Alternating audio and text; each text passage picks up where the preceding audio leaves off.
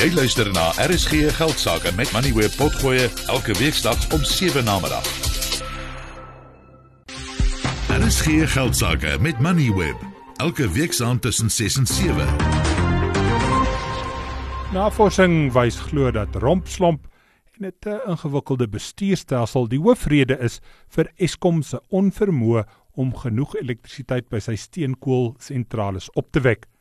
Die bevinding volgens 'n berig in Business Day is deur die Duitse energiekonsortium VGBE gedoen vir die departement van finansies.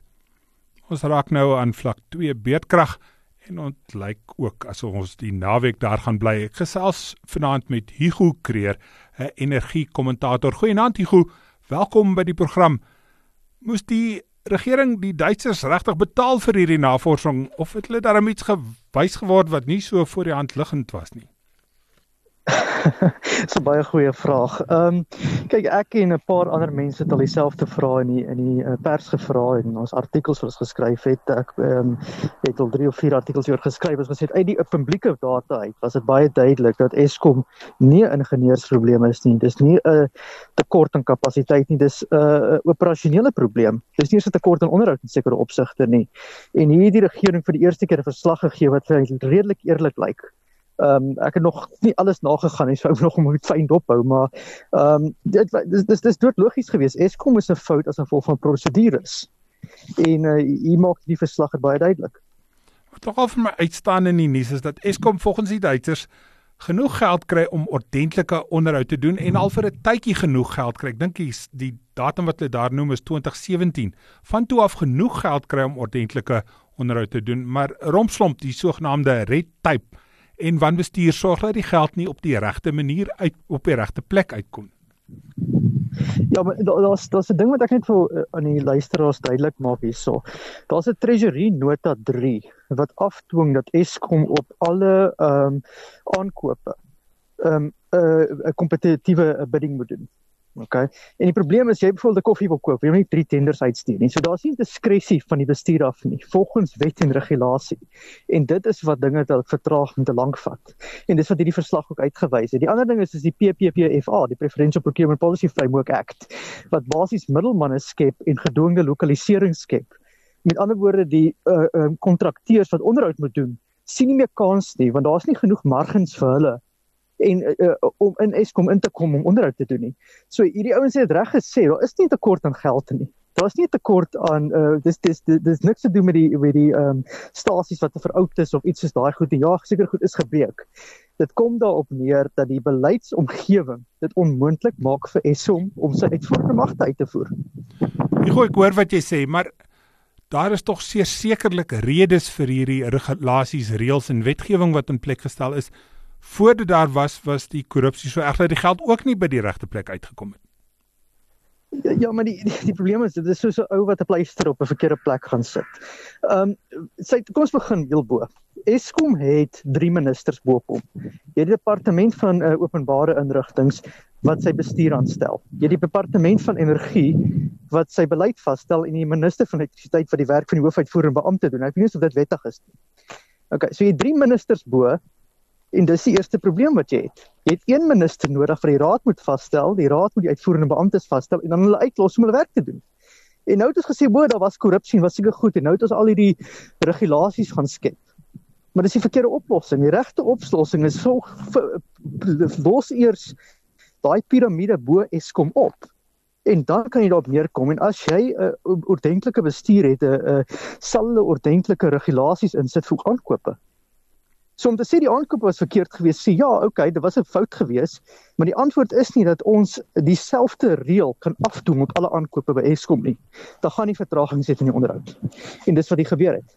Ook in die verslag sê hulle dat daar baie dringend werk nodig is by Medupi en Matimba.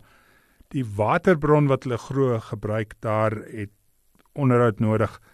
En as die twee afgaan, is dit 9800 megawatt wat verlore gaan. Uh die Duitsers stel voor dat ons maar meer beerdkrag ervaar om hierdie probleem op te los. Maak dit jou meer bekommerd as van tevore? Um, ek ek het dit ook al in die publiek gesê dat Suid-Afrika nie meer keuse het nie. Ons moet volgens my 'n permanente fase 2 of 3 beerkrag afdwing. En dan moet ons 'n besluit maak om die hele steenkoolvloot te overrol reg te maak. En hoe langer ons wag vir hierdie situasie, hoe moeiliker gaan dit wees. Daai verslag het iets baie waar gesê. Hy gesê ons is besig om een parameter na te jaag wat die energiebeskikbaarheidsfaktor is. Met ander woorde, ons operateurs is besig om hulle stelsels in die rooi te dryf. Nou dis nie eers 'n mate van om 'n Fiat Ferrari vinniger te ry al is hy oud nie. Hulle breek hom net eenvoudig. En daai ding van die waterstelsels is een van die baie foute. Die ketelbysit ook foute. Daar's ter duisende foute by Eskom wat ge gevolg is van swak kwaliteitsbestuur en onderhoud wat nie gedoen word nie. Maar wat die regering nou nog nooit wou gesê het nie, as jy regtig onderhoud doen, moet jy 'n stasie afval vir 6 maande na jaar toe. Ons het hier ons het in Frankryk gedoen vir amper 2 jaar om reg te maak. En wie gaan dit nou doen? Hoe gaan jy 'n verkiesing wen vir ouens te sê gaan permanente beerdkrag hê? Dis daai is die daai is een van die oplossings. Dis eintlik my volgende vraag is is hierdie voorstelle wat gemaak word deur die Duitsers praktiese voorstelle vir al in 'n verkiesingsjaar is dit moontlik om te doen? uit ingenieursoogpunt sit prakties uit die politieke oogpunt is natuurlik nie, maar ek het iets anderste wat hulle nie genoem het in daai verslag nie wat vir luisteraars meer kan oop gaan. Eskom het verlate kragstasies soos Duva 3 en Hendrina en seker ander stasies wat hulle jare terug al 4, 5 jaar terug al kon begin reggemaak het en dan sou dit nie weer krag afgedwing het nie. Hulle kan dit nou nog doen, maar hulle wil dit nie doen nie want wat hulle nie wil sê nie is die rede hoekom Duwa 3 opgeblaas het, daar was bedrog by die steenkool aankope gewees en dit was ook daar was tekens gewees van 'n uh, uh, van polisbedrog wat die assuransiegeld dalk gesteel was. So hulle wil nou nie daai ene oopkrap nie. Ons het ook stasies langs die uh, uh, munisipaliteite soos in Pretoria wat deur hierdie huidige minister van elektrisiteit afgeskakel is toe hy burgemeester van Pretoria was en Rooiwalstasie kan die môre gaan aanskakel die dag gaan doen. So met ander woorde, ons moet die vraag gaan vra, hoekom word sekere stasies verlaat? OK, terwyl ons beerkrag het en hulle fokus net op die wat heidaglik werk. Dit jy kan nie 'n stasie regmaak terwyl hy op lading is nie, moet hom afval. En as jy gaan afval gaan jy beurtig afdoen, maar jy kan die gebreke stasies regmaak. En dit word so skelmpies in hierdie verslag genoem. Ek nog geen detail gelees nie. Maar hulle sê dit nie duidelik nie. Ek wonder of dit nie van hulle skoupa weggevat was nie. Baie dankie Hugo. Dit was Hugo Kreer, 'n uh, energie kommentator. Dit klink of ons in die toekoms weer met hom sal gesels. Jy het geluister na RSG Geldsaake met Money where potgoe elke weeksdag om 7 na middag. Vir meer Money where potgoe, besoek moneyweb.co.za of laai die toepassing af en volg Moneyweb News om dagliks op hoogte te bly.